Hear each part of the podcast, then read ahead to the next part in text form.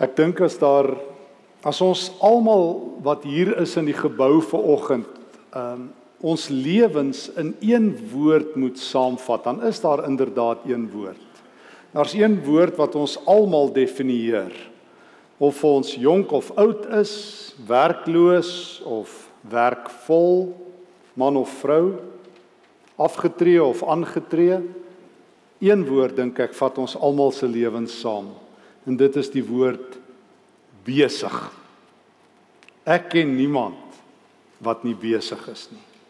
'n Vriend van my sê hy is dood besig. Gevaarlike woord. Dood besig.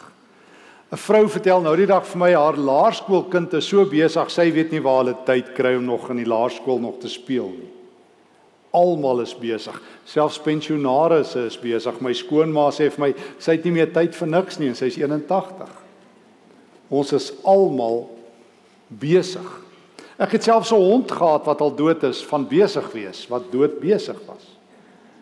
Van die oggend tot die aand het die hond om die paal gehardloop waarin die hond vasgemaak was en die hond was net besig.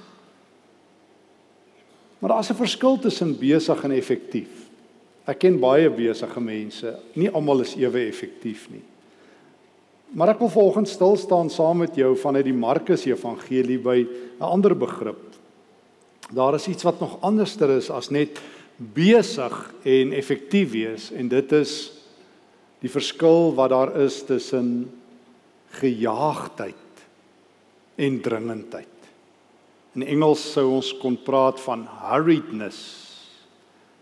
En hurriedness is om net gejaag te wees. Terwyl dringendheid ons sou kon vertaal met die woord urgency. Om gejaag te wees is om hier en daar en deur te hardloop. Om dringend te wees is om jou lewe te wy aan 'n saak, 'n persoon dit waarna jy glo en om een enkelvoudig gefokus te wees daarop met al jou tyd, al jou energie en al jou kragte. In Engels sou ons ook kon praat van 'n single-minded purpose. En daarom is daar vir my 'n groot verskil tussen dringende mense en haastige mense in Jesus se diens. O, ek ken baie mense wat Jesus volg en nog steeds net haastige harte het. Jesus is vir hulle so half en half die aanvulling tot hulle lewe. Dis soos hierdie tyd van die jaar dat jy nou klaar is en jou energie op is, dan sal jou man of jou vrou of jou ouers sê, "Drink 'n vitamien aanvullingkie. Jy kort nou 'n vitamienetjie." Dis so aanvulling tot jou dieet. Maar daar's 'n verskil wanneer Jesus die alternatief, wanneer hy jou hele jou hele lewe omvat. En ek wil graag die verskil tussen dringende en haastige uh dringende en en en en haastige of oorhaastige Christene, gejaagde Christene soos volg saamvat. Gejaagde Christene rus nadat hulle vir die Here gewerk het. Dringende Christene dien hom vanuit hulle rus. Dis 'n groot verskil. Hulle werk hulle nie moeg vir die Here nie, hulle werk vanuit hulle rus in die Here. Maar daar's nog 'n verskil en nou van die woord werk gepraat. Gejaagde mense werk vir die Here. Dringende mense leef vir die Here. Groot verskil. Gejaagde mense werk vir die Here en dringende mense leef vir die Here toe ek um, vir die eerste jaar teologie studente nog daar by Tikkies klas gegee het, het ek altyd vir hulle gevra Hoekom kom studeer hulle nou teologie dan as hulle antwoord hulle wil nou voltyds vir die Here werk en dan het ek altyd gevra watter skofte het julle tot nou toe gedoen? Want as julle net skofwerkers vir die Here is en ons is so lief om te werk vir die Here maar die Here die Here het ons lankal afgedank as ons vir hom moet werk. Want ek is seker ons almal wil dan net weet wat is ons byvoordele en wanneer kry ons verlof en wat is die naure en en kry ons verhoging en alles. So die Here sê man, ek het julle almal afgedank wat vir my werk. Ek wil hê julle moet vir my leef. Dringende mense leef vir die Here. Derde verskil. Gejaagde mense verstaan hulle lewe net in terme van die take. Dis nie verkeerd om take te hê nie, maar hulle verstaan hulle lewe net in terme van die take wat hulle moet afhandel. Dringende mense word gemotiveer vanuit 'n diep innerlike oortuiging van hulle liefde vir die Here. Ek doen my take uit 'n oortuiging. Ek doen nie maar net take vir die Here nie. Dankbaarheid en nie plig nie dryf hulle. 'n Diep dankie. Here, hoe kan ek U dankie sê dat U my U sin gemaak het? Ek wil vir U dankie sê met my hele lewe. En daarom doen ek vir die Here.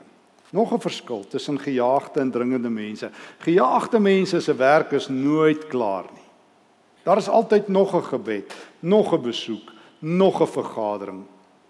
Hierteenoor weet dringende mense hulle is in die Here se diens, dienend en vanuit die rus in die Here wys hulle vir ander mense die beste plekke aan aan die Here se voete. Nog 'n verskil. Gejaagde mense sit opgeskeep met skuldgevoelens oor alles wat hulle nog moet doen. Ek het al by 'n paar keer in my lewe toe ek nog 'n voltydse leraar was, by gejaagde mense gestaan as hulle doodgaan. Hulle gaan hulle kan nie eers in vrede sterf nie. Hulle gaan nog dood met die ding as ek net meer vir die Here gedoen het. As ek net nog iets vir die Here gedoen het.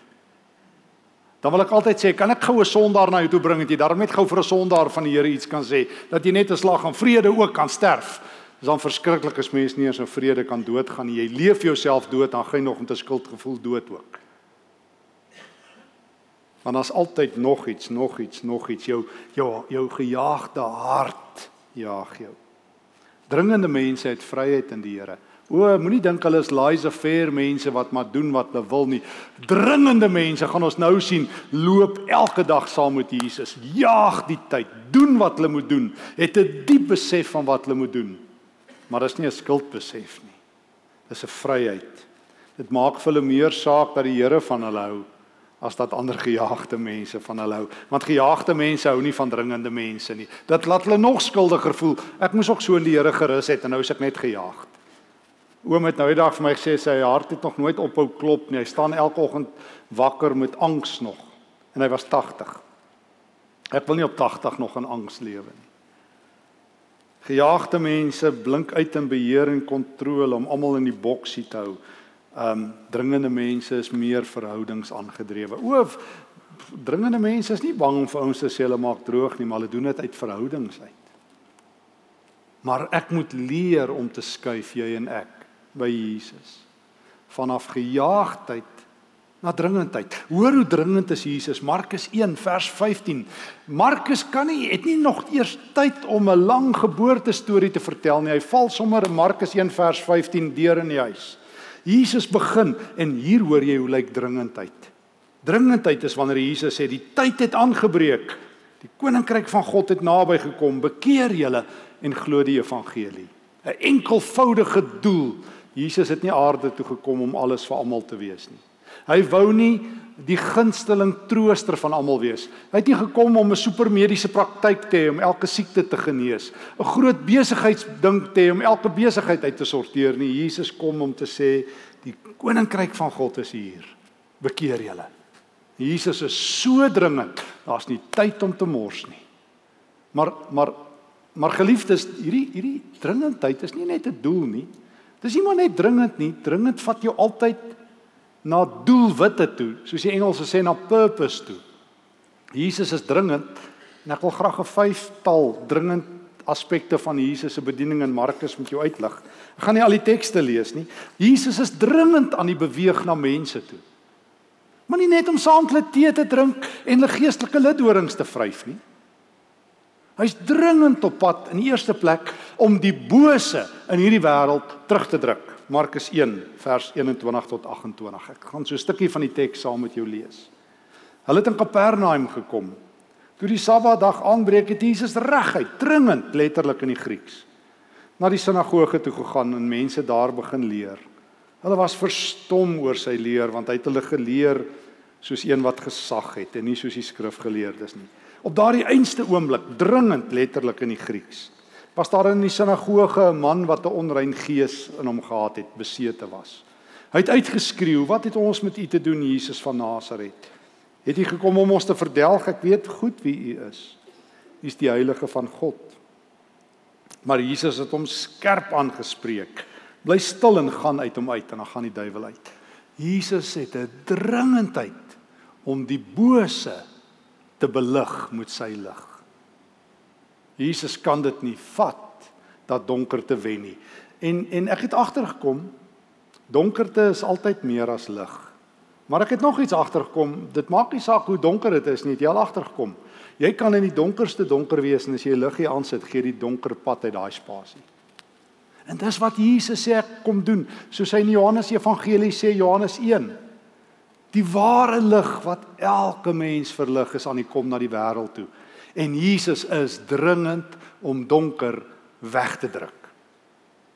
En as jy en ek tot rus wil kom, as ons wil verander vanaf gejaagde mense na mense wat 'n dringendheid het, sal ons by Jesus moet leer om dringend die bose se werk terug te druk. O Satan is die meester van donker. Hy is die die een wat sy werk in die donker doen, maar wanneer Jesus se lig kom, gee dit pad. En te veel mense in Suid-Afrika sit in moedverloorse vlakte vasgevang en al wat hulle doen, hulle bekla die groot donkerte. Het julle alweer gesien die afgelope week hoe donker dit geword het? Het julle nou alweer gesien wat het hierdie ehm um, politikus en daai politikus en hierdie ekonom gedoen en daai misdaad? Ons praat net die donkerte, maar ons praat dit nie weg nie.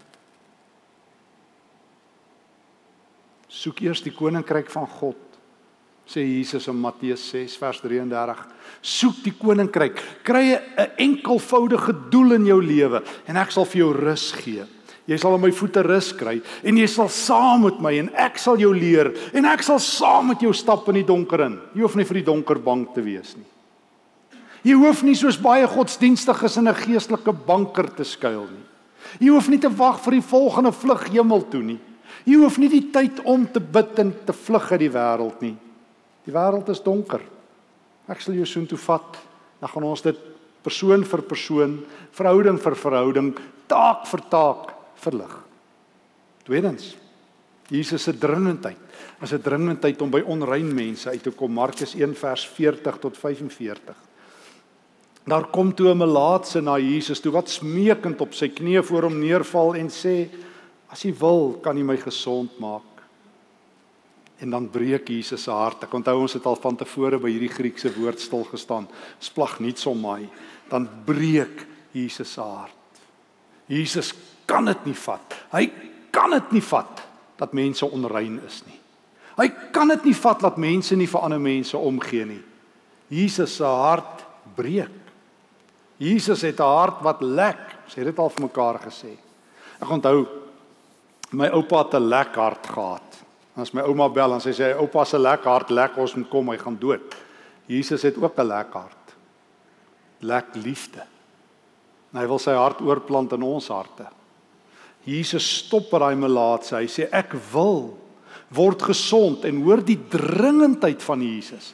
Andries het al met julle hieroor gepraat. Meer as 40 keer kom daai woord voor daar in vers 42 euthus en dadelik dadelik dadelik is dit weg. Jesus se dringendheid maak dat die Satan moet wyk. Jesus se dringendheid maak dat uitgestotenis, afgeskryfdes, verworpenes, onreines, verlorenes dat hulle by hom 'n plek kry. Jesus se dringendheid as hy dit in my oorplant, maak dat ek dringend 'n hart het, nie net vir die donkerte nie, maar ook 'n hart het vir onrein mense vir melaatses. Vir mense wat nie tel in hierdie wêreld nie. Vir mense wat die nobodies is en die has-beens is. Die vergetenis is. Yesterday's heroes. Hulle is Jesus se mense. Jesus se dringendheid vat hom op 'n derde roete. Markus 2 vers 13 tot 17 Jesus het weer na die see toe gegaan. 'n hele menigte mense het na hom toe gekom en hy het hulle geleer En toe hy by die tolhuis verbystap, sien hy vir Leefie seun van Alfeus daar sit en hy sê vir hom: "Volg my." En hy het dadelik opgestaan om hom gevolg. Jesus het nie tyd om te wag dat mense eers na die godsdienstige plekke toe kom nie. Jesus het nie tyd geliefdes om te wag dat mense eers kerk toe kom nie. O, is wonderlik. Maar Jesus het na hulle toe gegaan, so dringend is hy. Hy het die kerk by wyse van spreuke in die wêreld ingevat. Hy het 'n hart vir verlore mense en hy loop hulle in. Hoeveel nie Christen vriende het jy? As jy vir my sê jy's ernstig oor mense wat verlore gaan, moet jy minstens 'n paar nie Christene ken of hoe wil jy dan nou die wêreld bereik? Hoe wil jy dan nou in die wêreld 'n verskil maak?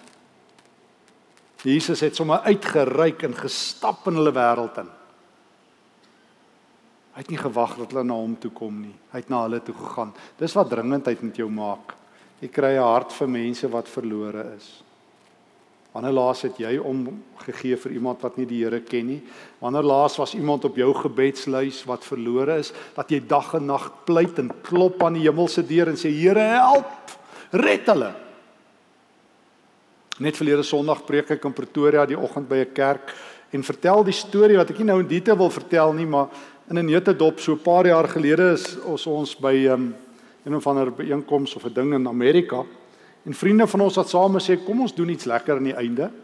En ons gaan kyk toe hoe Celine Dion daar in Las Vegas sing. Daar waar die duiwel partykeer sonder pantoffels loop. En ehm um, as jy my vandag vra wat was my hoogtepunt, was dit dalk nie dit nie, maar die een oggend toe stap ek daar by 'n koffiewinkel verby want dit is altyd vir my 'n verpligte stopplek. En daar's toe 'n ou wat nie kos het nie en uiteindelik 'n lang storie vra hy vir my ek moet vir hom kos koop en ek is so 'n bietjie hy's 'n grimmig want dit is nou my afdag dink ek maar die Here dink toe nie so nie. En hy wil toe sommer kos bestel en daar vat hy amper meer as die helfte of omtrent al my my vrou se sakgeld wat ek begroot het vir die dag. En toe ek nou vir hom groet, toe sê nee ek nog eers verder om hom praat en die kort en lank is daar in die koffieplek by gee hy sy lewe aan die Here. So dit is vir my een van die asemrowende ervarings dat die Here kan nie wag tot daai ou eendag by 'n kerk uitkom nie, dis te stadig. Hy stuur ons maar al is ons bietjie is 'n grimmig. En toe ek net nou die storie vertel na die preek kry ek so 'n briefie daar by die kerk. As jy nou weer 'n behoefte het om iemand na die Here toe te lei, hier's 'n adres, wil jy met daai mense gaan praat. En alles in my skree daarteen en ek wens ek kon die persoon se naam gehad het, dit is 'n naamlose brief. Om te sê jy is die Here se hande en voete, het die Here se dringendheid nie in jou hart oorgekom nie. Hoekom wil jy altyd iemand anders stuur? Wil jy nou iemand betaal om dit te doen? Geliefdes, dis hoekom ons met gejaagde harte sit. Want as jy 'n dringende hart het, rus jy terwyl jy volspoed werk. O nee, dit maak jou nie lui en laks nie. Moet dit nooit verwar nie. Dringende mense is aan die werk. Daar gaan nie 'n dag verby dat hulle nie tyd uitgekoop het nie. Dringende mense doen wat hulle vandag moet doen vir die Here. En daarom vat Jesus hulle na al hierdie plekke toe. Dringende mense loop nie net in die donker in in die Satan se terrein nie. Dringende mense loop nie net agter onreines aan nie. Loop nie net saam met Jesus na Leefie en die verloornes toe nie, maar maar eet ook saam met hulle en doen lewe saam met hulle. Jy moet gaan lees daar in Markus 2 vers 15. Jesus het toe by Leefie se huis gaan eet by Sondags. Jesus eet by die van die kerks. Hy los hulle nie net alleen en sê kyk net hoe neem die sonde in die wêreld toe nie. Hy gaan eet by hulle. Hy maak hulle sy vriende. Maar hy doen nog 'n ding, Markus 6. En ek wens ek kon eintlik die hele Markus 6 saam met jou gelees het. Maar maar dit begin of die teks waarby ek wil aansluit waar Jesus op die see loop, net voor dit vermeerder hy brood vir duisende mense. Jesus is dringend om vir arme mense en honger mense kos te gee. O, ek kan dit nie vat dat mense honger is nie. En en en dit met jou en my hart skeer dat daar so baie honger mense in Suid-Afrika is. Dat miljoene mense nie werk het nie. O, ek kan nie vir almal help nie, maar daar waar ek 'n verskil kan maak, moet ek 'n verskil maak. Daar waar waar ek moet help, moet ek help. Iemand sê nou eendag vir my, "Wat gaan ons daaraan doen dat dit so swaar gaan in die land?" Ek vra net, "Wat het jy in jou hand?" Ons sê nie niks. Ek sê gee dit vir die Here. Hy kan iets met niks maak. Iemand skryf vir my op naamloos 'n paar weke gelede. Hoekom sit die Here mense op my radarskerm? Ek is self te arm om te help. Ek sê o 99% van wat jy vir ander mense kan doen, gaan vir jou nie net geld kos nie om te gee, uit te reik. En as jy dalk 'n kledingstuk het, kan jy dalk nog een weggee as jy nog een in die kas oor het, soos Johannes die doop vir ons geleer het. Jy het altyd iets om te gee. Raak net dringend en doen iets. Doen iets. Die disippels toe Jesus vir hulle sê gee vir die skare kos, sê hulle waarmee Here? Gee vir my wat julle in julle hand het. Ek kan iets daarmee doen. Gee net vir my wat julle het. Ek kan dit vermeerder. En dan Dan terwyl Jesus um, hom onttrek hier in Markus 6 uh vers 45 stuur hy die disippels op die bootjie oor die see en um, hy gaan bid En dan kyk Jesus daarna, ons sien dit in Markus 6 vers 53, sien hy terwyl hy op die berg is die mense in Genesaret wat hom onnodig het en hy besluit hy moet by hulle uitkom. En daar's 'n storm op die see en Jesus vat sommer so kort pad om by die dorp uit te kom en dan stap hy so by sy disippels verby op die see en hulle skrik hulle in 'n ander bloedgroep en hulle dink is 'n spook terwyl dit die Here is. Vreeslike fout. Moet nooit die fout maak nie. Maar dis wat met haastige mense gebeur. Hulle skrik vir enigiets. Hulle skrik vir enigiets. Hulle skrik tot vir die Here. Hulle skrik vir koue pampoene en vir dapper, vir eende en vir muise en vir malema. Jy noem dit en hulle skrik en vir die toekoms en vir Zuma en vir Zimbabwe, maar hulle skrik vir alles. En dan stap Jesus op die see en dan sê hy ek gaan gou breek by julle. So pad Genesaret toe. Hulle my by hulle op die bootjie en dan sê hy vir hulle dit is ek. Um wees gerus Markus 6 vers 50 dit is ek. Moenie bang wees nie dringendheid maak dat Jesus by sy bang disippels aan boord klim. Kyk net wat doen Jesus se dringendheid en hy gee dit vir jou en my. Hy sê wil jy my volg? Want jy dan moet jy verstaan wat dit beteken. Jy moet 'n hart hê vir mense wat in die donker is. Ek sal jou daarin vat. Jy moet 'n hart hê vir melaatses. Ek sal jou na hulle toe vat. Jy moet 'n hart hê vir die leefies wat my nie ken nie. Ek sal jou na hulle toe vat. Jy moet 'n hart hê vir die armes. Ek sal jou na hulle toe vat. Help veel jy hoe sê Leonard Sweet it's one thing to have a heart for the poor it's another thing to use their toilets. Ek sal jou leer sê Jesus. En as hom mense is wat nie kos het nie, ek sal jou vat. Ek sal vermeerder wat jy in jou hand het. Gee dit net vir my, ek sal dit meer maak. En as jy bang is, as jy bang is, nie sê jy weet nie hoe nie ek sal by jou op die bootjie klim. Maar daar's nog iets aan Jesus se dringendheid. Jesus se se dringendheid sluit ook 'n kruis in. Hy loop hom dood teen die kruis. Hy loop hom dood teen die kruis. Markus 8. Lees in Markus 8 'n geweldige woord. Uh vers 27. Daarna het Jesus en sy disippels na die dorp uh, na die dorpies naby Caesarea Philippi gegaan. Langs die pad het hy vir die disippels gevra: "Wie sê die mense is ek?" Hulle antwoord hom Johannes die Doper, party sê Elia, tye van die profete, maar julle, wie sê julle is ek? En Petrus antwoord hom: U is die Christus. Toe leer Jesus vers 31 dat die seun van die mens baie moet ly, dat hy deur die familiehoofde en die priesterhoofde en die skrifgeleerdes verwerp moet word en doodgemaak moet word en dat hy 3 dae later uit die dood sal opstaan. Dringendheid gaan jou lewe kos. O ja, gejaagdheid ook. Die een ding wat met ons almal gaan gebeur is dat ons gaan doodgaan. Ons gaan ons almal mors dood nog lewe op 'n goeie dag. Maar dringendheid ook, maar dit gaan op die regte manier jou lewe vra. Vers 34. Jesus het toe die me, me, menigte mense saam met sy disippels nader geroep en gesê as iemand agter my wil aankom, moet hy homself verloën, sy kruis opneem en my volg. Want wie sy lewe vir homself wil behou, sal dit verloor. Maar wie sy lewe vir my en vir die evangelie verloor, sal dit behou soos ons nou die dag ook vir mekaar gesê het en ek elke dag vir myself sê eers 'n kruis dan 'n kroon. Jesus se dringendheid maak dat jy jou kroon afhaal en 'n kruis op jou skouers sit hier en nou. Dit maak dat jy sê Here, al moet U Golgotha toe stap, ek sal saam stap. Ek weet nie hoe nie Here, want ek is ook maar 'n Petrus wat U dalk kan verloon, maar Here, as U saamloop, sal ek saam stap. Eers 'n kruis dan 'n kroon. O, dit kos 'n prys om te skuif van dringendheid na gejaagdheid. En soos 'n vriend nou die dag vir my sê, jy moenie nou vir my sê ek moet verander nie. Ek het my hele lewe lank gewerk om so omgesukkel te wees. Ek kan nie dit nou net los nie. Is dit nie die ironie nie? Werk jou hele lewe lank aan 'n ongelukkigheid en Jesus sê volg my. Ek sal jou laste dra.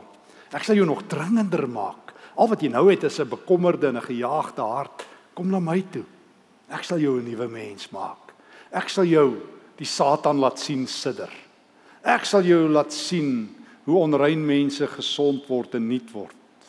Ek sal jou laat sien hoe verlore mense gevind word. Ek sal jou laat sien hoe honger mense eet. Ek sal jou laat sien hoe bang gelowiges weer moed kry. Dra net my kruis. Want toe loop Jesus om dood. Toe loop Jesus om dood want hy het gesê dis die roete van dringendheid. Toe loop hy hom dood aan 'n houtkruis by Golgotha. Toe word hy vermoor daardie Vrydag. En daar's nie plek in die wêreld vir dringende mense nie, net gejaagdes. Nie vir God se soort dringendheid nie. Maar God dank. En dis ons vierde punt. Jesus is sterker as die dood. Hy stap dwars deur die dood aan die ander kant uit. Hy stamp die hekke van die doderyk oop en op die Sondagoggend is hy uit. En dan die Jesus loop gaan voort. Ons lees in Markus 16 hierdie aangrypende woorde. As die engel daar by die graf sit en die en die vroue kom die Sondagoggend daar aan Markus 16 vers 6 en hulle sien die klippe is weggerol. Lees ek in Markus 16 vers 6 dat die engel vir hulle sê moenie skrik nie. Julle soek vir Jesus van Nasaret wat gekruisig is. Hy's uit die dood opgewek. Hy's nie hier nie. Hy het opgestaan. Vers 7 maar gaan sê vir sy disippels en in die besonder vir Petrus. Hy gaan julle vooruit na Galilea toe. Daar sal julle hom sien. Jesus is al weer op die pad. Met respek gesê Jesus het nie afgetree nie. Hy's nie nou werkloos nie. Hy sit nie nou maar rustig en ons aanbid hom en hy sit net op sy troon passief nie. Jesus is al weer op die pad. Waarheen? Galilea toe. Wat gebeur in Galilea? O, ons was in Markus 1 in Galilea. Daar is die Satan. Jesus is op pad soontoe alweer as lig vir die wêreld. Wie's in Galilea? O, die melaatse is in Galilea. Jesus is al alweer op pad met 'n gebroke hart vir die melaatse. Wie's in Galilea? O, Leefi is daar.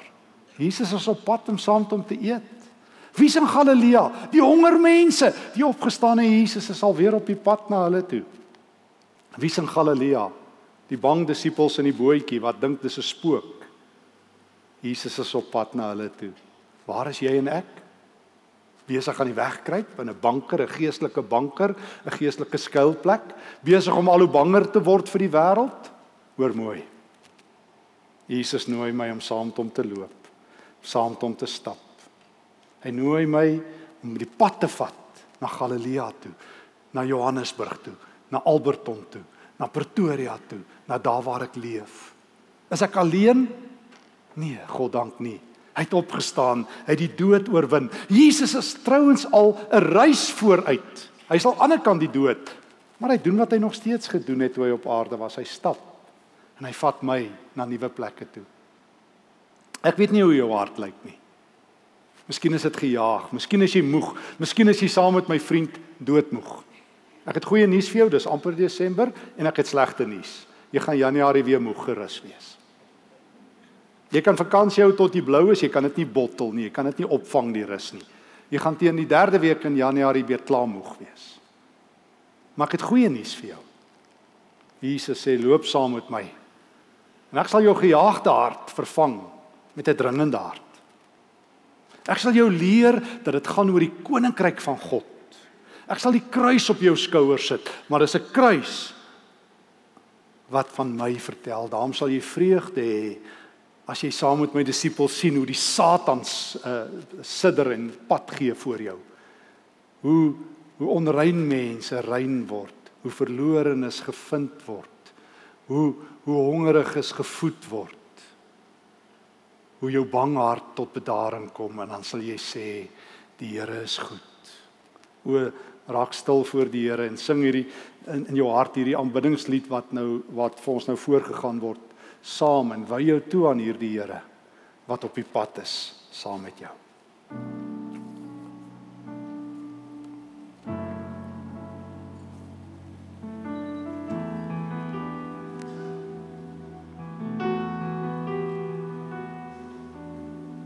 Where you go, I go. What you say, I say.